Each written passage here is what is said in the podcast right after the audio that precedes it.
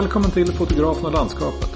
En podd om att fotografera naturen med mig, Theodor Paus. Idag är avsnitt nummer sju och vi träffar Fredrik Bo. Han kommer berätta om det lockande med kaoset och oordningen som han hittar i skogen. Och hur kameran hjälpte honom igenom en stor sorg. För egen del har jag varit i lite av en svacka med mitt foto den senaste tiden. Jag har varit ute en del och det har varit fina naturupplevelser. Men det har inte blivit några bilder att tala om direkt. Ja, jag vet inte riktigt varför. Men det kan väl vara sådär ibland. Ehm, gråväder i december utan snö har väl inte gjort fotograferandet lättare heller. Men ett knep jag brukar använda då är att välja ut någon annan fotograf som jag låter mig inspireras lite extra av. Som man kan låta, låna lite kompositioner av och eh, sno lite ehm, inspiration av helt enkelt. Och den jag låter mig inspireras av just nu är faktiskt dagens gäst Fredrik Bo. Hans bilder från skogen är ofta enkla men väldigt uttrycksfulla. Ofta finns det ingen himmel med. Grenar och löv får tala för sig själva istället. Och det är klart, mina bilder blev inte som hans. Men när jag var ute nu i morse och fotograferade i ett skogsområde ganska nära där jag bor. Så kände jag att Fredriks blick hjälpte mig att hitta lite nya sätt att ta mina egna bilder. Kanske är det något för dig att testa också. Ta gärna kontakt med mig om du vill berätta vad du tycker om den här podden och vad du vill höra mer om. Jag finns på Instagram och på Facebook. Och eh, gå med i Facebookgruppen om du inte redan är det. Det finns den för podden och där kan vi fortsätta samtalet mellan avsnitten. Och du hittar länkar till mina konton och gruppen i anteckningarna i dagens poddavsnitt. Och om du tycker om den här podden, glöm inte att trycka prenumerera i din poddspelare så missar du inga avsnitt. Men nu, hur tänker då Fredrik Bo när han själv går runt i skogen och tar sina vackra bilder? Ja, låt oss sätta igång dagens avsnitt så får han berätta själv. Välkommen till fotografen och landskapet Fredrik Bo. Tack så mycket. Trevligt att vara med.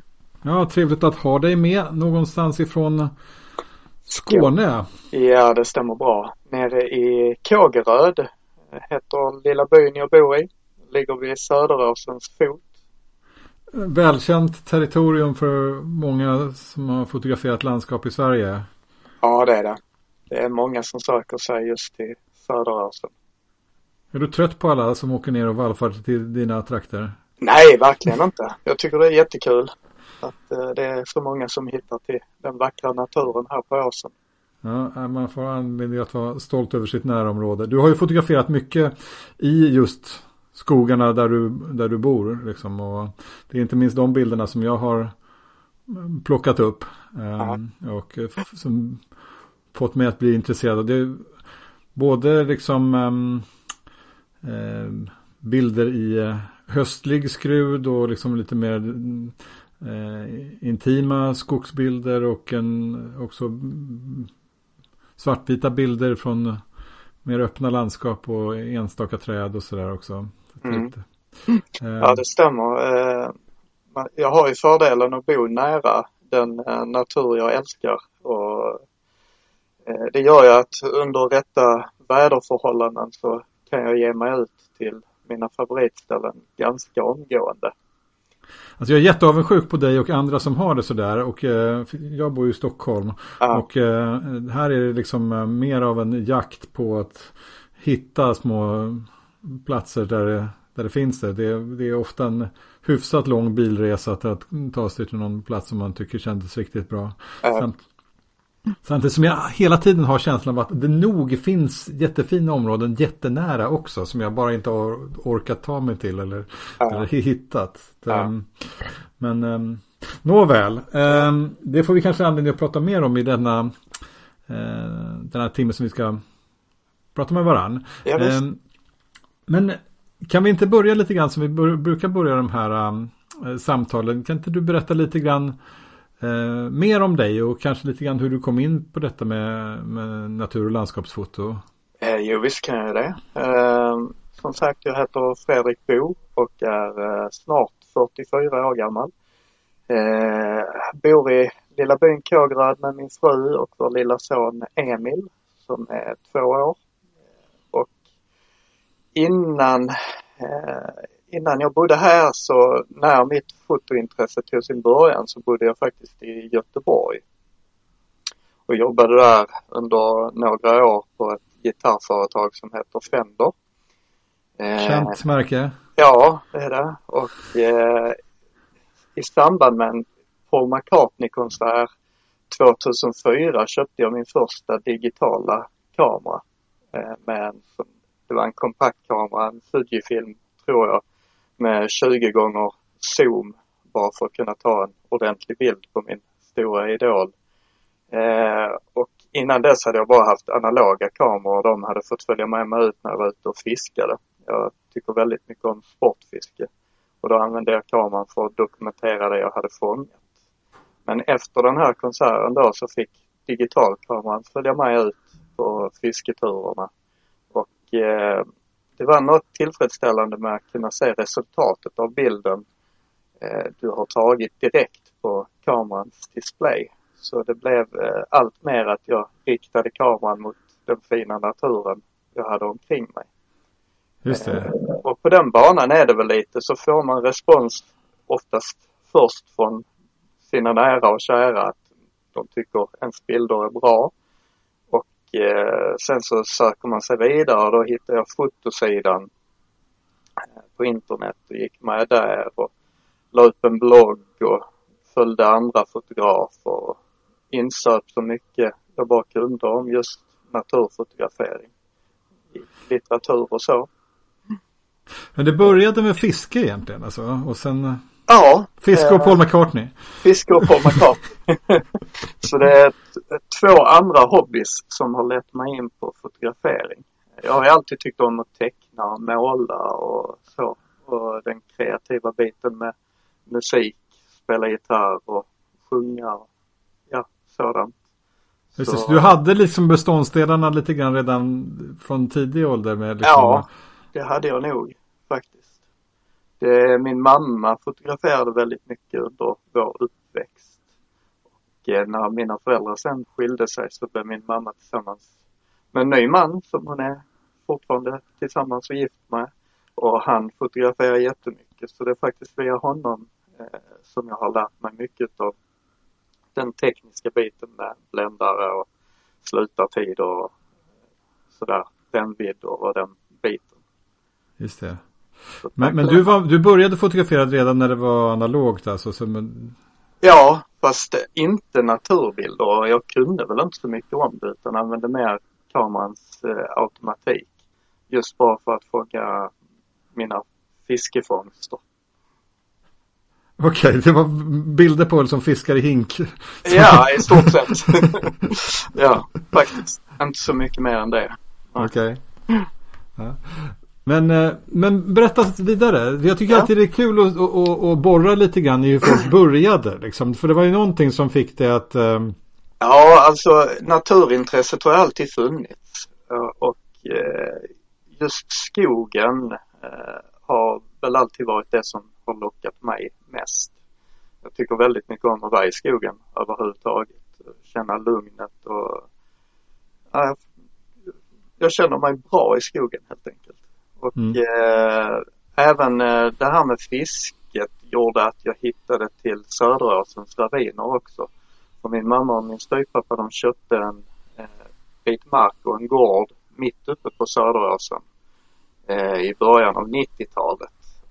Sen så skulle ju Söderåsens nationalpark bildas och eh, då fick de sälja ungefär hälften av marken till staten för att eh, bilda den här nationalparken som nu finns här.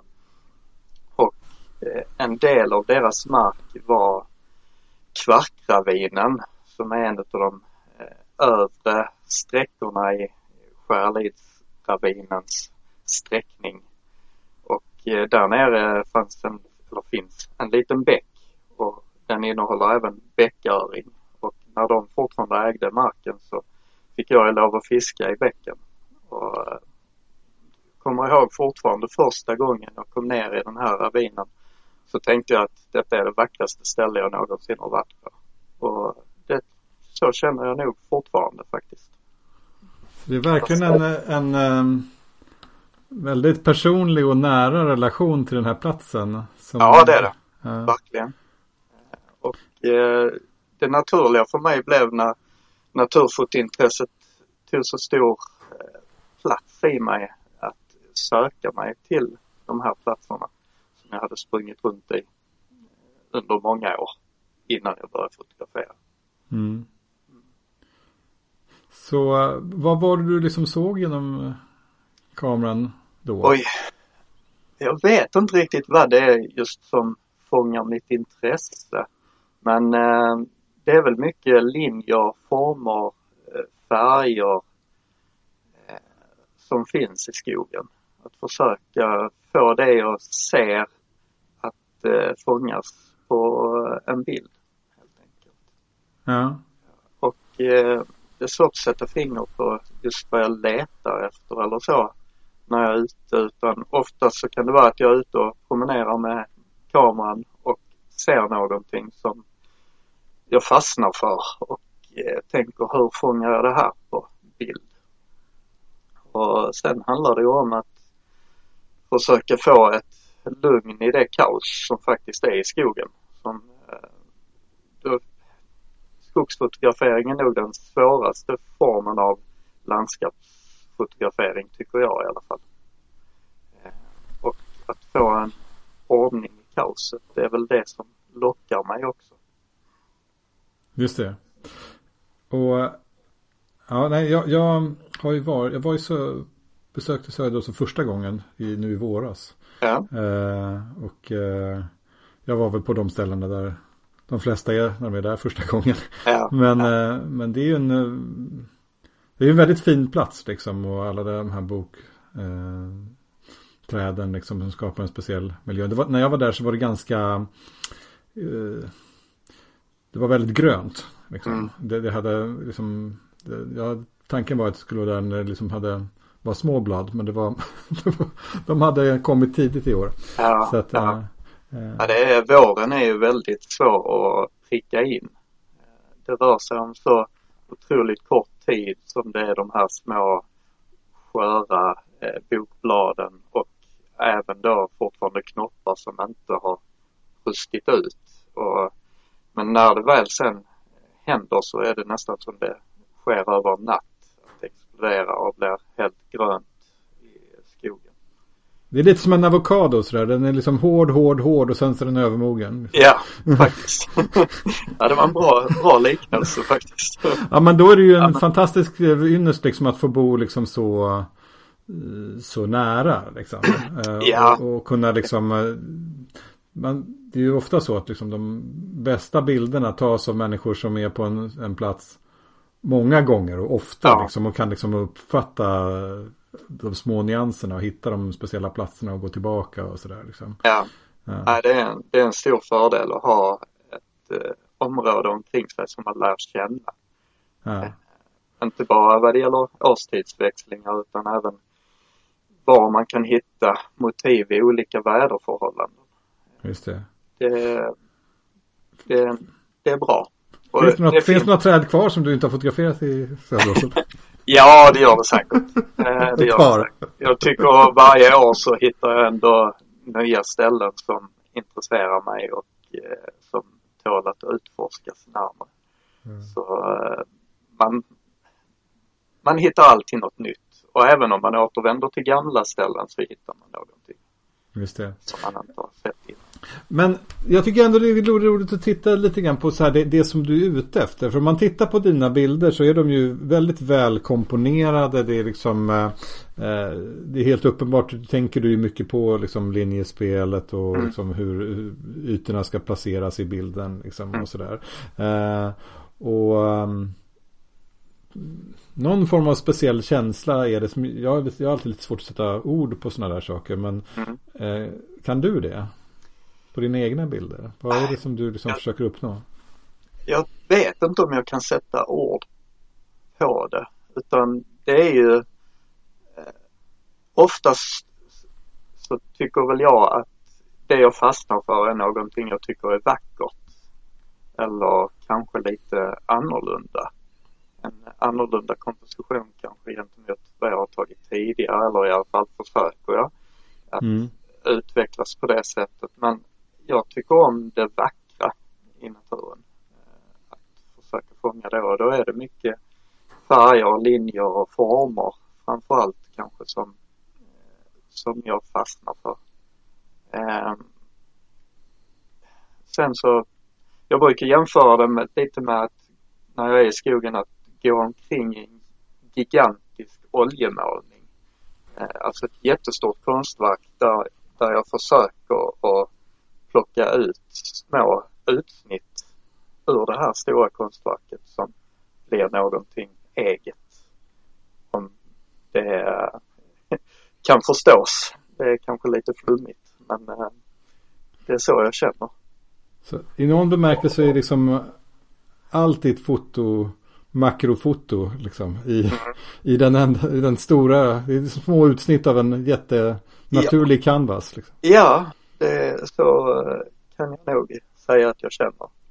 Att, eh, alltså, skogen är ju som sagt svår och det är lätt att om man vidgar sina vöjer för mycket så missar man eh, kanske det vackra. Och det är väldigt, väldigt sällan som jag använder ett vidvinkelobjektiv i skogen. Utan det ligger väl, det som sitter på min kamera oftast är ett 2470 objektiv och jag fotograferar väl oftast mellan 50 och 70 kanske. Okej. Okay. Eh, så, just det här att hitta små utsnitt i en stor skog gillar jag. Och man kanske får ha en viss tolerans liksom för att det, det finns lite stökighet kvar i bilden också. Liksom att, ja, eh, alltså grenar och sånt är väldigt svårt att påverka. Och det gäller ju kanske att flytta på sig lite för att eh, få till rätt komposition. Och vara uppmärksam på vad man har ganska nära sig om man nu använder lite mer teleobjektiv och tar bilderna. För det är väldigt lätt att man kan få någon liten oskarp gren eller så som man inte riktigt ser vid eh, fotoögonblicket men som man senare, senare ser när man tar ut bilden i datorn. Eh, någon oskarp liten gren som sticker in i eh, förgrunden om man säger så eller mellan kameran och huvudmotivet. Just det. Så eh, vaksamhet. Känner du till en, en brittisk eh, fotograf som heter Simon Baxter? Ja, jag har hört talas om honom. Jag tror, är inte han någon sån här YouTube? Jo, precis det. Han har en YouTube-kanal också och, och, han, är, han, han är fokuserad på skogsfoto. Jag, jag var på en workshop med, med honom här för några veckor sedan i Skottland. Ja. Eh, så det var väldigt mycket av det som du pratar om nu pratade han om också. Liksom det här eh, hur på något sätt, dels att skogen är allmänt komplicerad men också att det är um, viktigt att försöka skära ut det, det som är på något sätt någon form av enkelhet i det. Liksom. Och, ja. och också det här att det, som, det finns så många lager så att man hela tiden behöver tänka på att det, inte är någonting som sticker in eller så ja. för att det ska bli bra. Men han, han var ju också väldigt mycket på, jag vet inte hur du tänker där, det vore kul att höra. Mm. Eh, att um, liksom det inte gör så mycket att det blir oskarpt liksom längre bak. Annars så finns ju det, det är lite grann av en tradition att det ska vara allt ska vara skarpt liksom från förgrund till bortersta bakgrund liksom. Ja, ja. Hur tänker du där? Jag tänker nog inte så mycket på det eh, faktiskt. Utan eh, jag fotograferar och tar bilden och ser den bra ut i mina ögon både på displayen och när jag tar upp den i datorn där hemma så jag går nästan aldrig in och hårdgranskar och ser om allting är skarpt rakt igenom. Okay. Eh, utan är det som jag tycker är huvudmotivet skarpt och bra så räcker det oftast för mig. Men eh, sen i och med att ofta så blir det ändå på några meters håll jag fotograferar eh, motivet ifrån och har en bländare på kanske en 11 eller 14 någonting sådant så det blir ju ofta skarpt rakt igenom ändå. Ja, ja det, det, det, kommer lite grann av sig självt liksom. Ja. ja. Och sen beror det lite på vad det är för motiv också. Om, eh, om det gör något eller inte gör något att eh, den är skarp rakt igenom. Ja. Jag har sett många fina bilder som inte är skarpa rakt igenom. Och det är absolut inte fel att ta de bilderna heller. Nej, verkligen inte. Det, det, det, det, där är ju lite grann tycke och smak liksom. Ja, visst. och hur man, hur man är. Um, och bara av de intervjuer som jag har gjort här nu, eller samtal som jag haft med andra fotografer i den här podden så har det varit lite olika filosofier kring det här. Mm. I, ja, denna och många andra frågor. Det är, det är, folk har olika sätt att resonera. Det är alltid kul att höra. Uh, men jag tänkte det var roligt också det som du var inne på lite, en liten stund sedan om hur du jobbar. Liksom. Mm. Uh, du, det, det lät på dig som att du liksom att det är en vandring i, i skogen liksom och sen så av ja. en, lite grann en slump så har du kameran med dig och sen så tar du bilden när det passar. Är det, ja, är det, eh, slump är det väl inte riktigt utan ger jag mig ut för att fotografera så ger, ger jag mig ut för att fotografera och har kameran med mig. Eh, även om den givetvis följer med på familjeutflykter i skogen eller så också. Men eh, Eh, det jag gör är oftast att jag går runt tills dess att någonting fångar mitt intresse. Och eh, oftast har jag märkt att när det fångar mitt intresse så är det bäst att stanna där och då och börja komponera bilden. Eh, och sen efter jag har tagit det första, det som fångade mitt intresse, så kan man gå runt lite och se om man kan hitta andra kompositioner och vinklar och så ta bilden ifrån. Men när jag sen kommer hem så är det ändå oftast någon av de första bilderna som är den jag tycker bäst om. Eh, jag tror att man arbetar olika, väldigt olika, alla fotograf, fotografer, men oftast för mig så är det det första intrycket som jag också tycker bäst om när jag kommer hem och tittar på bilderna i datorn. Just det, det var det som drog dig till att ta bilden från början liksom? Ja. Som blev? Ja. Och det är, på något vis ser jag väl kompositionen direkt där och då och vet hur jag vill ha den. Och även om jag sen arbetar vidare med den och försöker komponera den lite annorlunda eller, eller så, så är det det första intrycket eller första bilden som ändå stannar kvar med mig. Har det alltid varit så för dig? Uh, kanske inte i början, då sökte jag nog mer. Uh, sökte jag nog mer den bra bilden. Men uh, jag tror det är någonting som har kommit lite senare. Att den, för mig, bra bilden sitter ganska omgående. Mm. Det är, och, och, och liksom lite i anslutning till det då. Du var inne på liksom vad du gör av bilderna när du kommer hem. Liksom, och, är, är, du en sån person som ägnar mycket tid åt efterbehandling och liksom um, tar bort störande delar eller liksom är, är bilden ganska klar när den är tagen? Den är ganska klar, är den. Eh, för tillfället tar det lång tid däremot för jag har en otroligt slö dator. Eh, eh, det tar längre tid än vad jag hade velat. Men jag gör otroligt lite. Det är alltså färgåtergivning eller färgbalansen i bilden. Det är nivå och kontrast, lite skugga efterbelys och en uppskärpning. Det är i stort sett det jag gör. Det är fint. Att liksom, för det, det, det bygger, den filosofin bygger ju rätt mycket på att man liksom uh, gör tankearbetet. Mm. Eller, bilden görs rätt mycket i tankearbetet liksom. När ja. du går runt i skogen och sen så ser du bilden liksom uh, ja. och tar den och kanske försöker några andra varianter. Men i princip så togs den i huvudet av dig. Ja. Du gör inte så jättemycket mer. Nej, alltså det är ju på något vis är det ju det första som slår en. Det är det man vill fånga. Eller i alla fall är det det för mig. Och mm. eh, det är ofta som sagt den bilden som jag väljer ut också. Eh, det jag kan göra mer är kanske någon liten beskärning eller så om jag vill ha det i något annat format än det jag fotograferar i. Men eh, då tänker jag på det även i skogen att eh, jag lämnar lite utrymme för att kunna beskära den. Mm. När jag kommer hem. Och det här som du liksom eh, fastnar för då. liksom, det är ju ofta träd då. Ja det är det.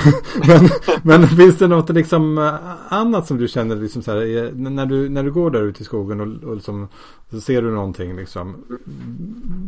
Ja, Vad tycker, brukar det vara? Eh, ja förutom träd så eh, brukar jag försöka titta ner där jag går. Eh, även där kan ju finnas en hel del motiv. Lite mer, vad ska man säga, intima bilder eh, även titta uppåt i trädkronorna för att se om där finns linjer och mönster och färger man kan utnyttja. Mm.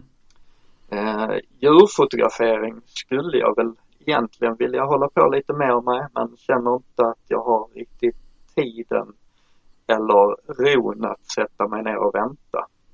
Eh, jag fotograferade lite mer djur för några år sedan. Eh, särskilt under eh, ett projekt jag hade år 2012. Att ta en bild varje dag under ett helt år.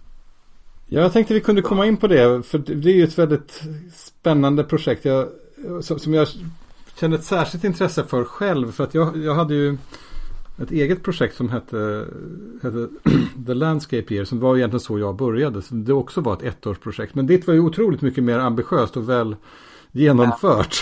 Ja. Eh, med att ta en bild varje dag i ett helt år. Ja. Du får börja med att berätta, hur kom du på den idén? Och hur accepterade din respektive den? ja, eh, hur jag kom på idén var väl, det var ju en fotograf som hette Terje Hellesö som hade gjort ett liknande projekt 2006 tror jag. Och eh, jag tänkte att ja, det hade ju varit jättekul att prova. Att ta en bild varje dag under ett år och se om man klarar det. Så i slutet av 2011 så pratade jag med min fru och sa att jag skulle vilja göra det och frågade om det var okej okay med henne. Och, och det var det.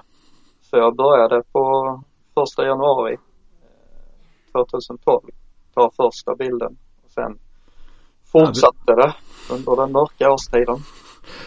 Men vid den tillfället så måste du ju ha hållit på ett tag liksom och, och, och varit ganska Det är ju inte så att man bara börjar med det där från ingenstans liksom. Då, då måste du varit ganska inne i naturfoto redan sedan tidigare. Ja, alltså ända från början 2004 då när jag köpte den här digitalkameran så har jag ju fotograferat naturen. Eh, ja. Och jag tyckte väl att det här projektet skulle vara lärorikt för mig själv också just i eh, utmaningen att verkligen hitta en bild varje dag. Så att det inte blev för enkelriktat heller. Alltså att alla bilder påminde eller liknade varandra. Utan att faktiskt försöka förnya sig också varje dag. Mm. Eh, så det var väl den största anledningen till att jag gav mig in i det. Berätta så. om hur du jobb gjorde, hur du jobbade under det året. Ja, eh, ja dels så jobbade jag ju. Jag hade ju eller har ju fortfarande ett vanligt, om man säger 7 till 4 eh, jobb. Eh, utmaningen under första kvartalet, om man säger så, är att det är ganska mörkt på morgon och på kväll. Eh, dels när man beger sig till jobbet och dels när man kör hem. Eh, så det gällde ju att hitta bilder på vägen till och från arbetet eller att utnyttja lunchen till att ge sig ut och försöka få en eh, bild. Men eh, det blir lättare och lättare ju mer våren kommer desto ljusare blir det och då kunde man ge sig ut mer och ha mer tid på sig också och ta en bild varje dag. Eh, men utmanande var det, det verkligen.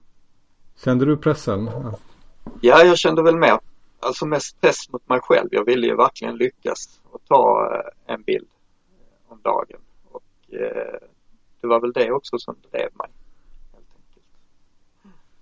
Hur lång tid var du ute då? Liksom? Om man ska prestera olika. en bild liksom. ja, det var olika. Vissa dagar kunde det vara en par timmar kanske. Och eh, några dagar så kanske det bara rörde sig om fem minuter. I vissa lägen alltså, livet är ju som det är att man ska iväg på kalas och eh, andra åtaganden. Och då kunde det bli lite panikbilder eller så att man fick ge sig ut i trädgården och ta en bild. Eller på väg till någon eller någonstans och stanna längs vägen och ta en bild.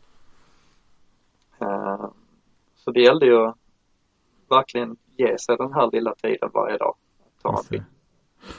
Och det blev en bok av det här i slutändan också? Uh, ja, det stämmer. Uh, mycket beror det på att uh, vi väntade barn det året också.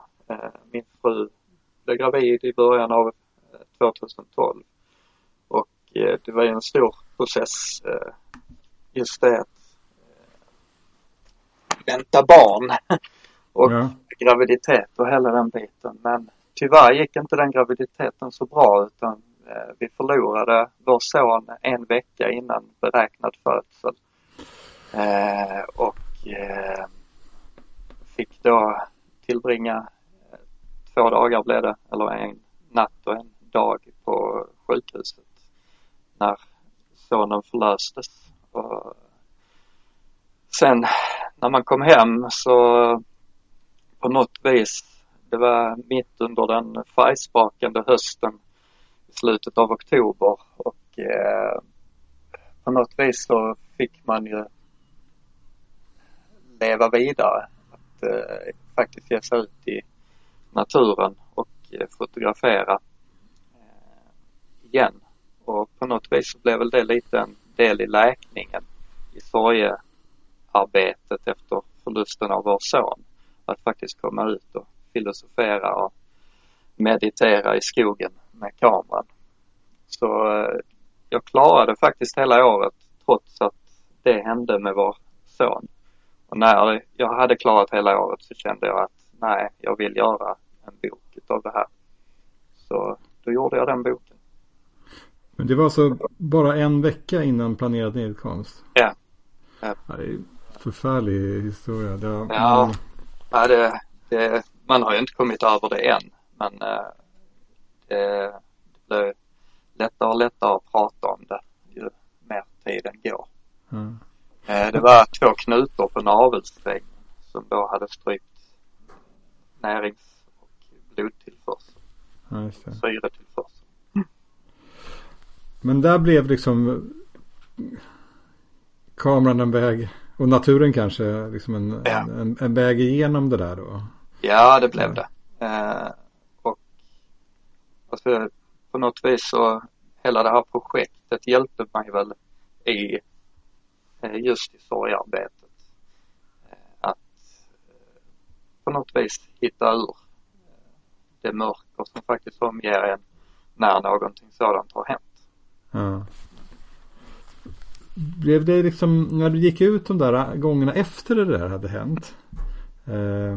Var liksom Blev det en annan typ av foto då? Ja, alltså jag vill väl tycka själv det. Det är bara jag som tycker det. Det för andra som har läst boken eller sett boken. det Är att bilderna på något vis ändå blev eh, ganska positiva och ljusa efter det. Jag kommer ihåg, jag hade en sån konflikt med mig själv. Det var faktiskt bara det med vår son hände på fredagen och han förlöstes på lördagen och vi kom hem på söndagen. Och vi körde genom ett eh, färgrikt eh, höstfärgat Skåne. Eh, och jag kom på mig själv med att tänka att när man är så här ledsen och så nära, hur kan man tycka att någonting är så vackert? Eh, det gjorde jag. Alltså jag tyckte det var otroligt vackert runt omkring och kände den här oerhörda sorgen samtidigt. Men eh, nej, jag tycker väl att förändringen blev nog att bilderna blev lite ljusare efteråt. Just det. Konstigt nog. Ja. Faktiskt. Och, och, och liksom, om man tänker på hur det kändes det annorlunda att vara ute och fotografera tänker jag också. Eller var det liksom? Ja, det gjorde det för eh, det blev ju som en meditation helt enkelt. Kanske på ett annat vis än vad det var innan. Jag har ju alltid Tyckte väldigt avkopplande och eh, rofyllt att komma ut och fotografera. Men efter det hade hänt så blev det också en nästan lite besatthet att få komma ut och faktiskt bara försvinna bort i någonting annat ett tag. Att just bara ha fokus på att komponera en bild eller eh, att söka motiv. Så visst, det, jag tänkte nog annorlunda efter den händelsen. Och så även idag då? Eller? Ja, så är det på många sätt fortfarande. Alltså att eh, skogen är meditation. Alltså, Just det. det där är ju också någonting som flera som jag pratar med som kommer tillbaka till. Nu har ju du liksom en ganska, ja, man säga, extrem händelse som har liksom, mm. detta kopplar till. Men, men just liksom detta att fotograferande blir på något sätt också liksom, resultatet av fotona, bilderna, liksom, det är en sak. Liksom. Mm. Men sen så på något sätt processen att ta dem liksom, och varandet i, i, i den här naturmiljön och liksom kunna gå in i sig själv liksom. Ja. Folk uttrycker det på lite olika sätt. Men det verkar ju vara någonting som många återkommer till liksom.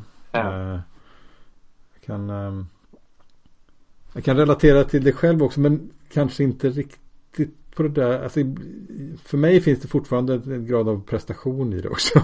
Mm. Att man, jo, men det gör det ju. Alltså det, den kreativa sidan vill ju prestera någonting. Det tror jag alla som håller på med något, någon form av kreativt arbete har ju någon form av eh, bekräftelse och prestationsbehov. Mm.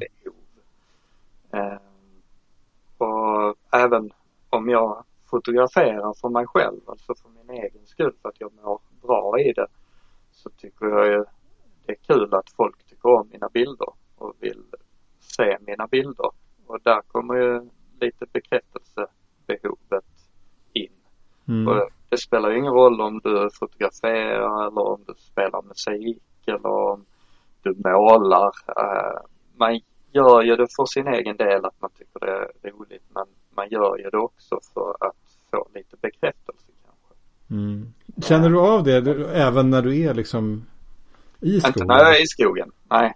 Då känner jag inte av någon något behov av att prestera faktiskt. Det kan väl vara gånger när man gör det. Alltså jag och min gode vän Peter Nilsson eh, som också är landskapsfotograf. Fotograf. Ja, du har väl träffat Peter? Ja, jag har även eh, varit på en workshop med honom också faktiskt ja. i, nu i juni. Då var vi i Kullaberg. Ja visst. Ja, vi är ju ute och fotograferar mycket tillsammans och eh, då kan det vara att Peter får till en en väldigt bra bild och då tänker jag ju att ja, men nästa gång, nästa gång ska jag. så det finns ett tävlingsmoment nästan? Ja men lite tävlingsmoment blir det och det kan jag väl tycka är bra också. Alltså att man ändå sporrar varandra på något vis. Att eh, hela tiden förbättras och ja. bli bättre på det man gör. Jag har förstått att du ibland tar med dig din son också.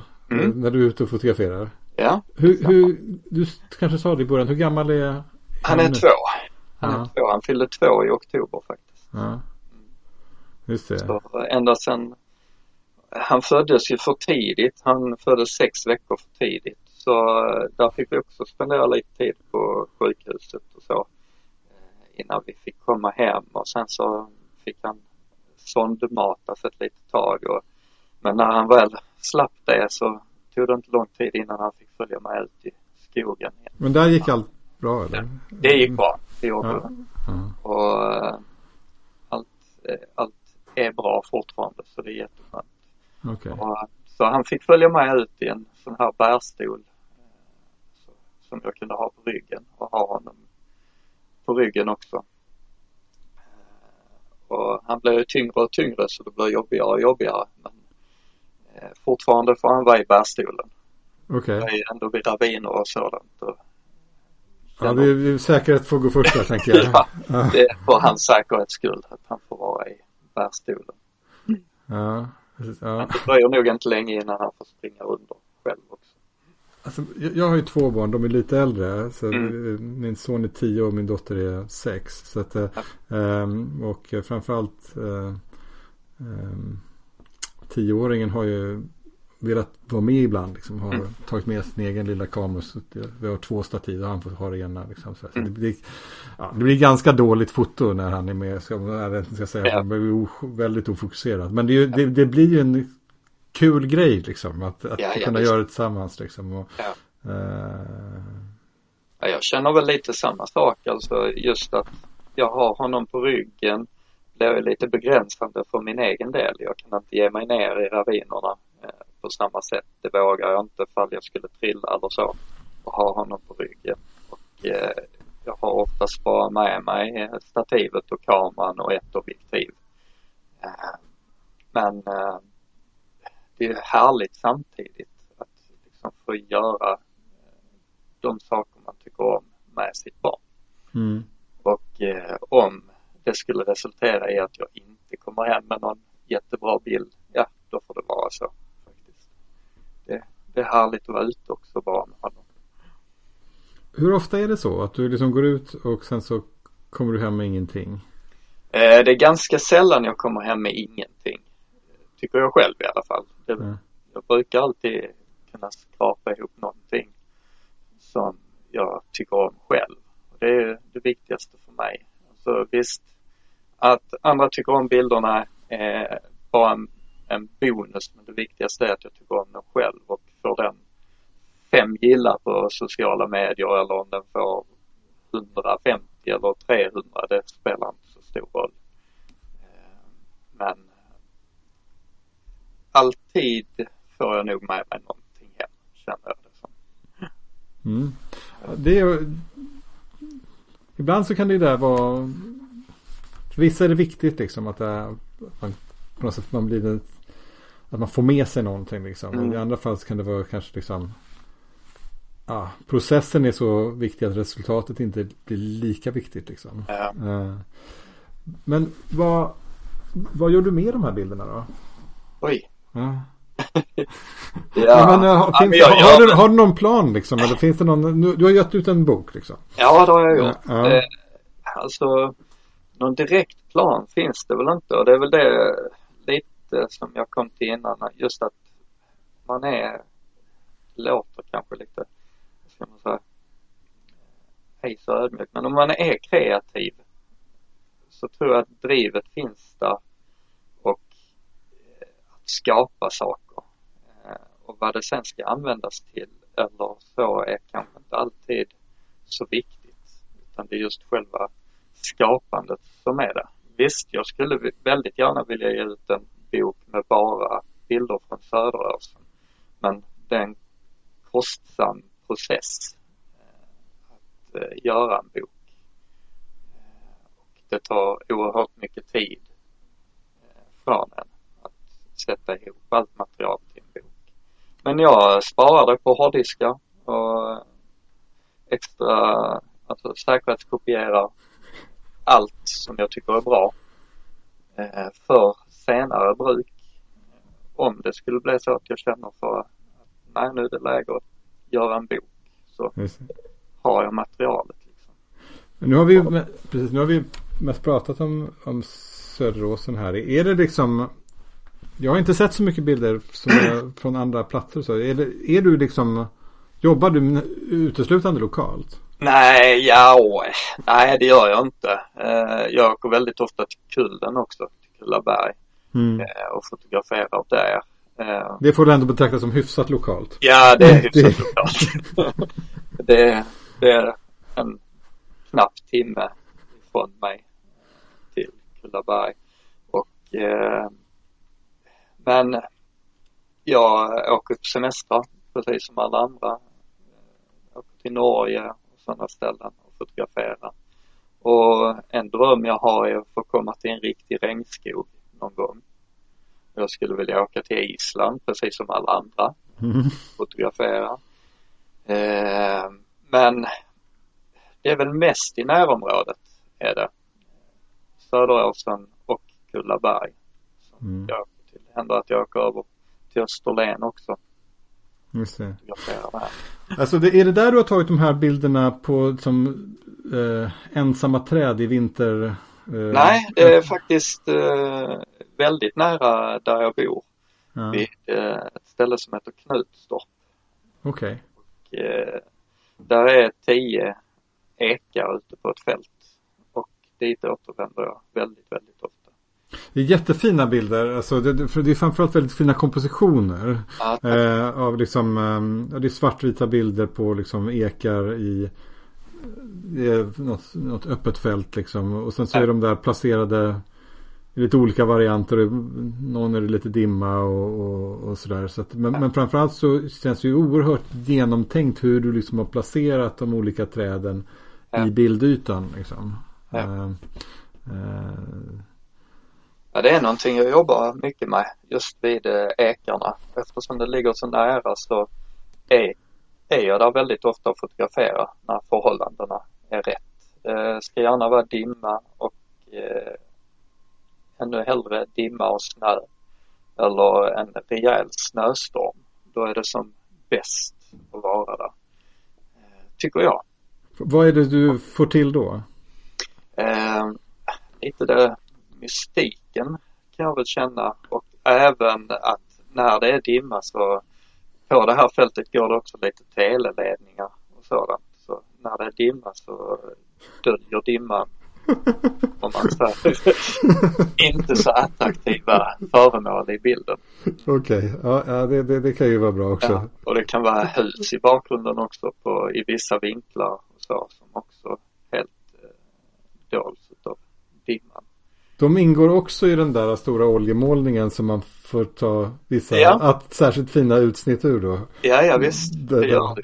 Och eh, jag tycker väldigt mycket om att gå där bland ekarna och just att hitta kompositioner och eh, att använda, om man säger, träden mot varandra Ja. på, på något vis. Det, det tycker jag om och kan gå i timmar där. Just det. Ehm, precis. Den här boken som den här 300, bo- för din bok heter 366. För Ja, det, var- det var skottår det året. Ja, det stämmer. Ja.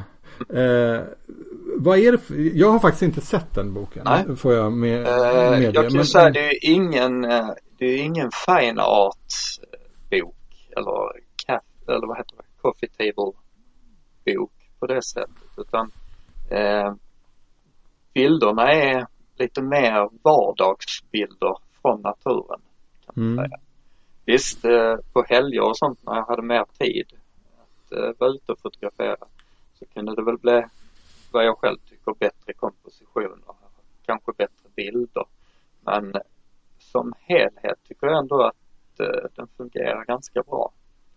Eh, och jag är väldigt nöjd med den. Alltså att dels att ha lyckats göra det och eh, även med bilderna under de, eh, vad ska man säga, premisser jag hade. Att eh, tidspress jag hade att ta bilderna. Så Mm. Jag är väldigt nöjd med att jag har lyckats. Även om alla bilderna inte blev pangbilder så lyckades jag. Alltså, ja, jag måste säga att det, bara prestationen att ta bilder varje dag tycker jag verkar he- helt fan, fantastisk. Eh, Men också att göra det under, att, eh, under, under de, ja, med det som hände liksom. Att du Ja. fortsatte och det blev på något sätt um, någonting ännu, ännu viktigare liksom. Och ännu Ja. större liksom. Ja. Ehm, Ja, för mig blev det ju verkligen större. Alltså än vad jag hade trott att det skulle bli när jag gav mig in i det.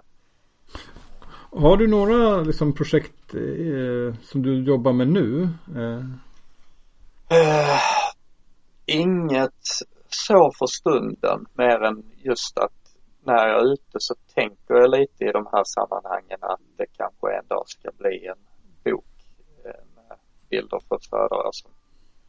Eh, och även kanske något projekt med de här ekarna.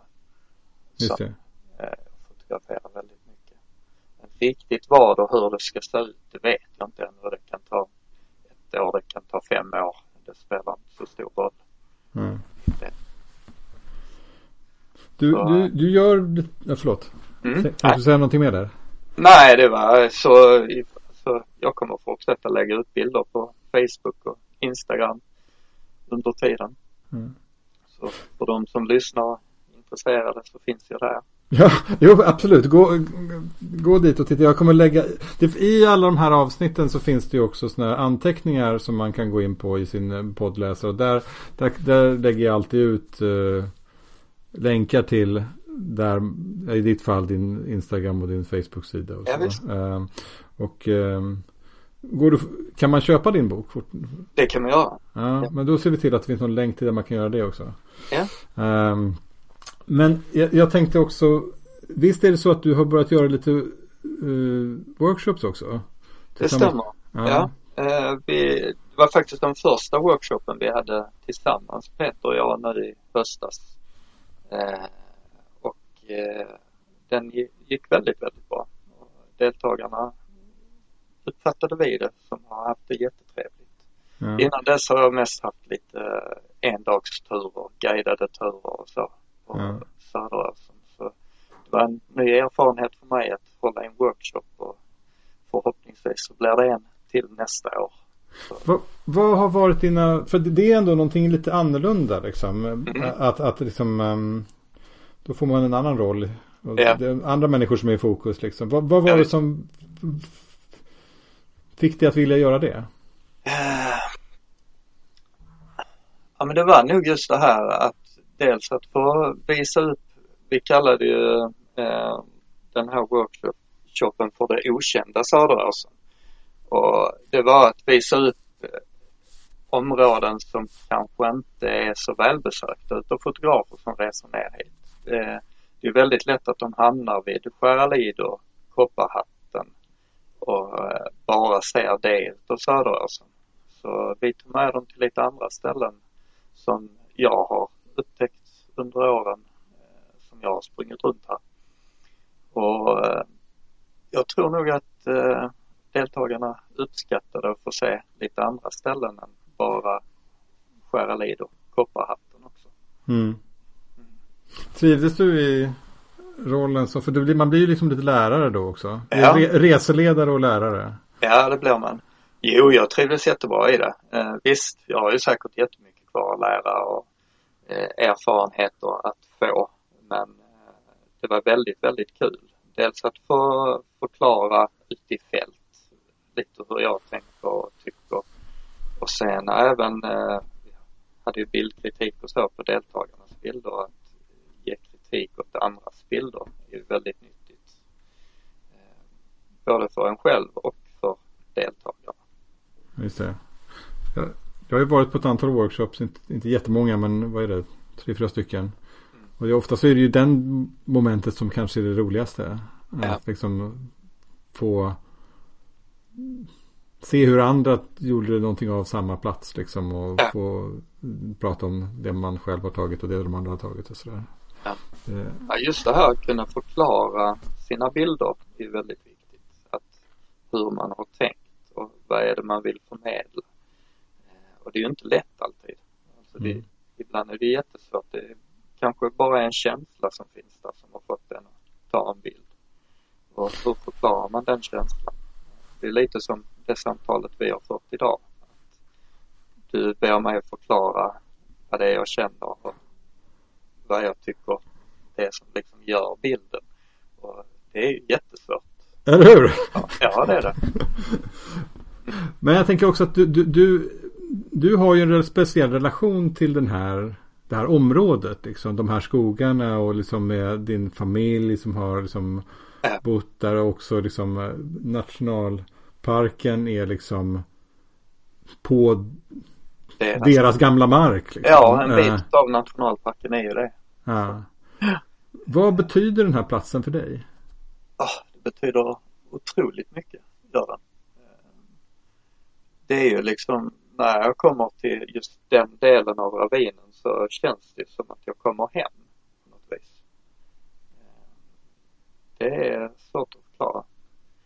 Jag tror inte att man i Sverige får lov att sprida sin aska när man har dött eh, var man vill. Men det är ju ett sånt ställe som jag skulle vilja spridas på i så fall. Så, mm. så mycket betyder det för mig. Mm. Ja. Har nog alltid att göra det. Precis, just den, den, den platsen i, i Söderåsen. Ja, ja, den platsen är, för mig är den ju magisk. Mm. Även om det finns andra ställen som är minst lika vackra eller eh, så, så det är väl den personliga knytningen eller vad det heter, att man är så knuten till den platsen. Har du tagit mycket bilder på den platsen också? Ja, det har jag gjort. Det har jag gjort. Eh, och eh, det är en väldigt svårfotograferad plats, kanske en av de svårare på Söder men det är också det jag tycker om, alltså att eh, utmana mig själv med lite svårare platser att fotografera. Ja. Du, ehm, jag tänkte att vi ska, vi ska så sakteliga börja liksom röra oss mot mm. några sista frågor här. Men jag tänkte en sak som vore kul att höra är vad har du för tips till andra fotografer? Nu har du ju börjat leda workshops också. Du har ju fått ja. på dina tips. Men om vi ska till, till, till lyssnarna av denna podd. Vad, vad, vad är dina bästa landskapsfotografstips? Oj.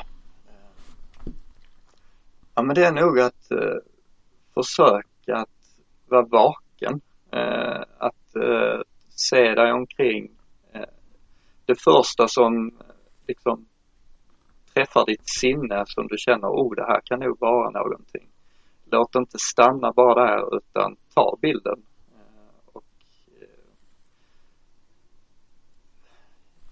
undersök det närmre, försök få ut en komposition av det du har känt det som träffar dig liksom. Att eh, faktiskt ta bilden och inte tänka, nej det kanske inte är något att gå vidare utan eh, stanna vid din första det första som drabbar dig liksom och ta bilden.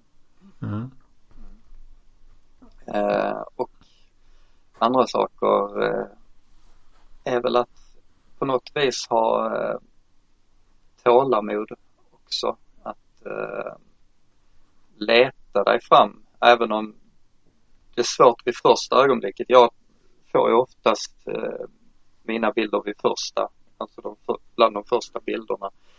Men att ändå om du känner att det inte känns riktigt rätt så är det ändå någonting som har fångat dig. Så försök att hitta en komposition som du är nöjd med att ta bilden och låt den inte vara.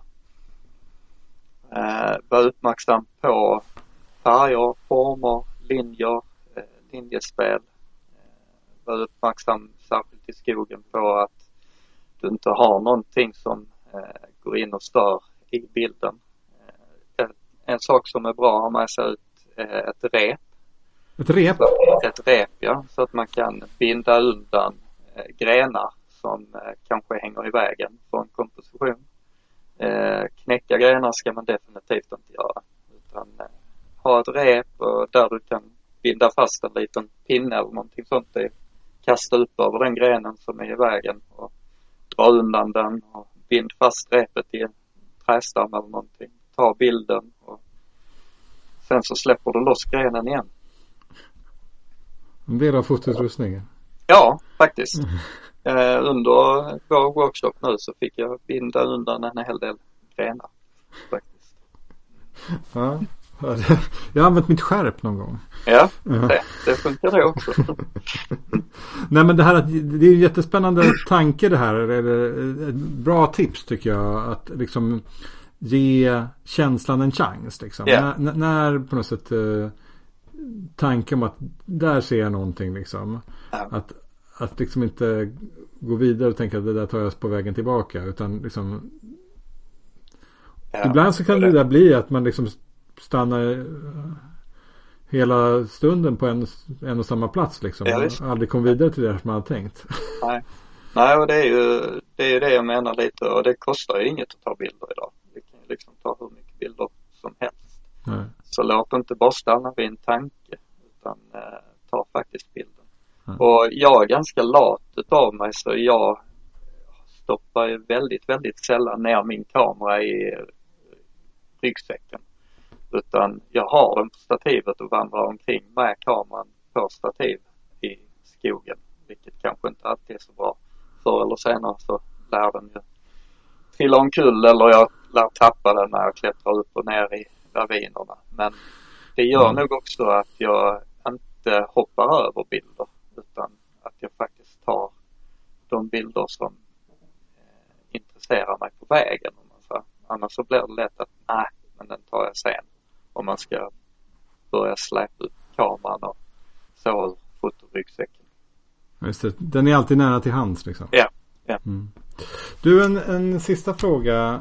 Har du några tips på andra fotografer som du tror skulle passa i den här podden? Eh, ja, det har jag. Eh, jag skulle väl tipsa, oj, lät min dator. Jag skulle väl tipsa om eh, Peter Nilsson, god vän och en bra landskapsfotograf. Eh, och även en fotograf som heter, som också är en vän till mig, som heter Christer Sjöberg från Västerås. Och eh, vad det gäller annat så har vi ju Anna Ulmestrand Anna Runestam? Ulmestrand. Okej.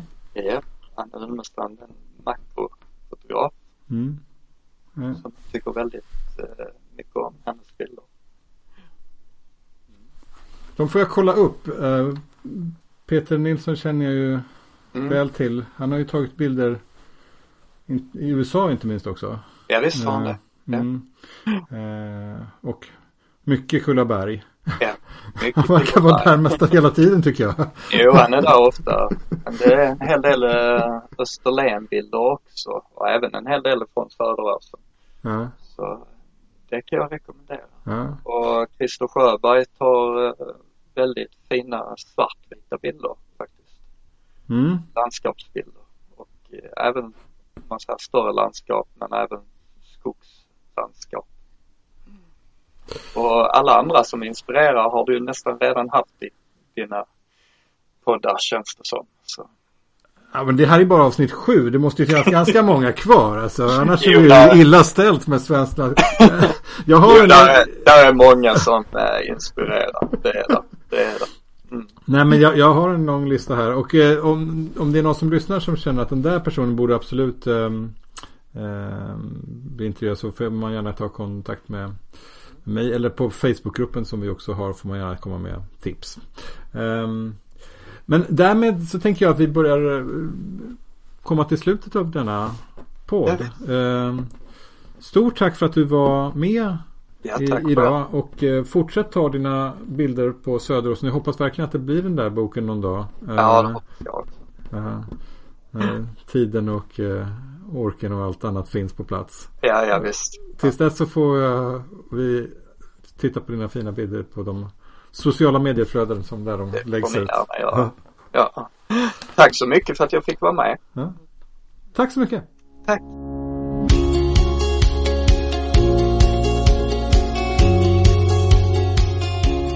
Och tack till dig som lyssnat på det här avsnittet av Fotografen och landskapet. Hoppas du fick med dig något litet från det här samtalet som kan inspirera dig. Om det så är inspiration att ta egna bilder så som Fredrik har inspirerat mig. Eller kanske inspiration att titta på andras bilder på ett nytt sätt. Eller kanske bara inspiration av att komma ut i skogen lite. Gå gärna in på Facebookgruppen för podden och berätta vad du tyckte om dagens avsnitt. Om det var något särskilt som du gillade eller som väckte tankar. Så fortsätter vi samtalet där. Och om du gillade det här avsnittet och vill höra fler så glöm inte att klicka prenumerera i din poddspelare. Vi hörs igen om två veckor. Hej så länge!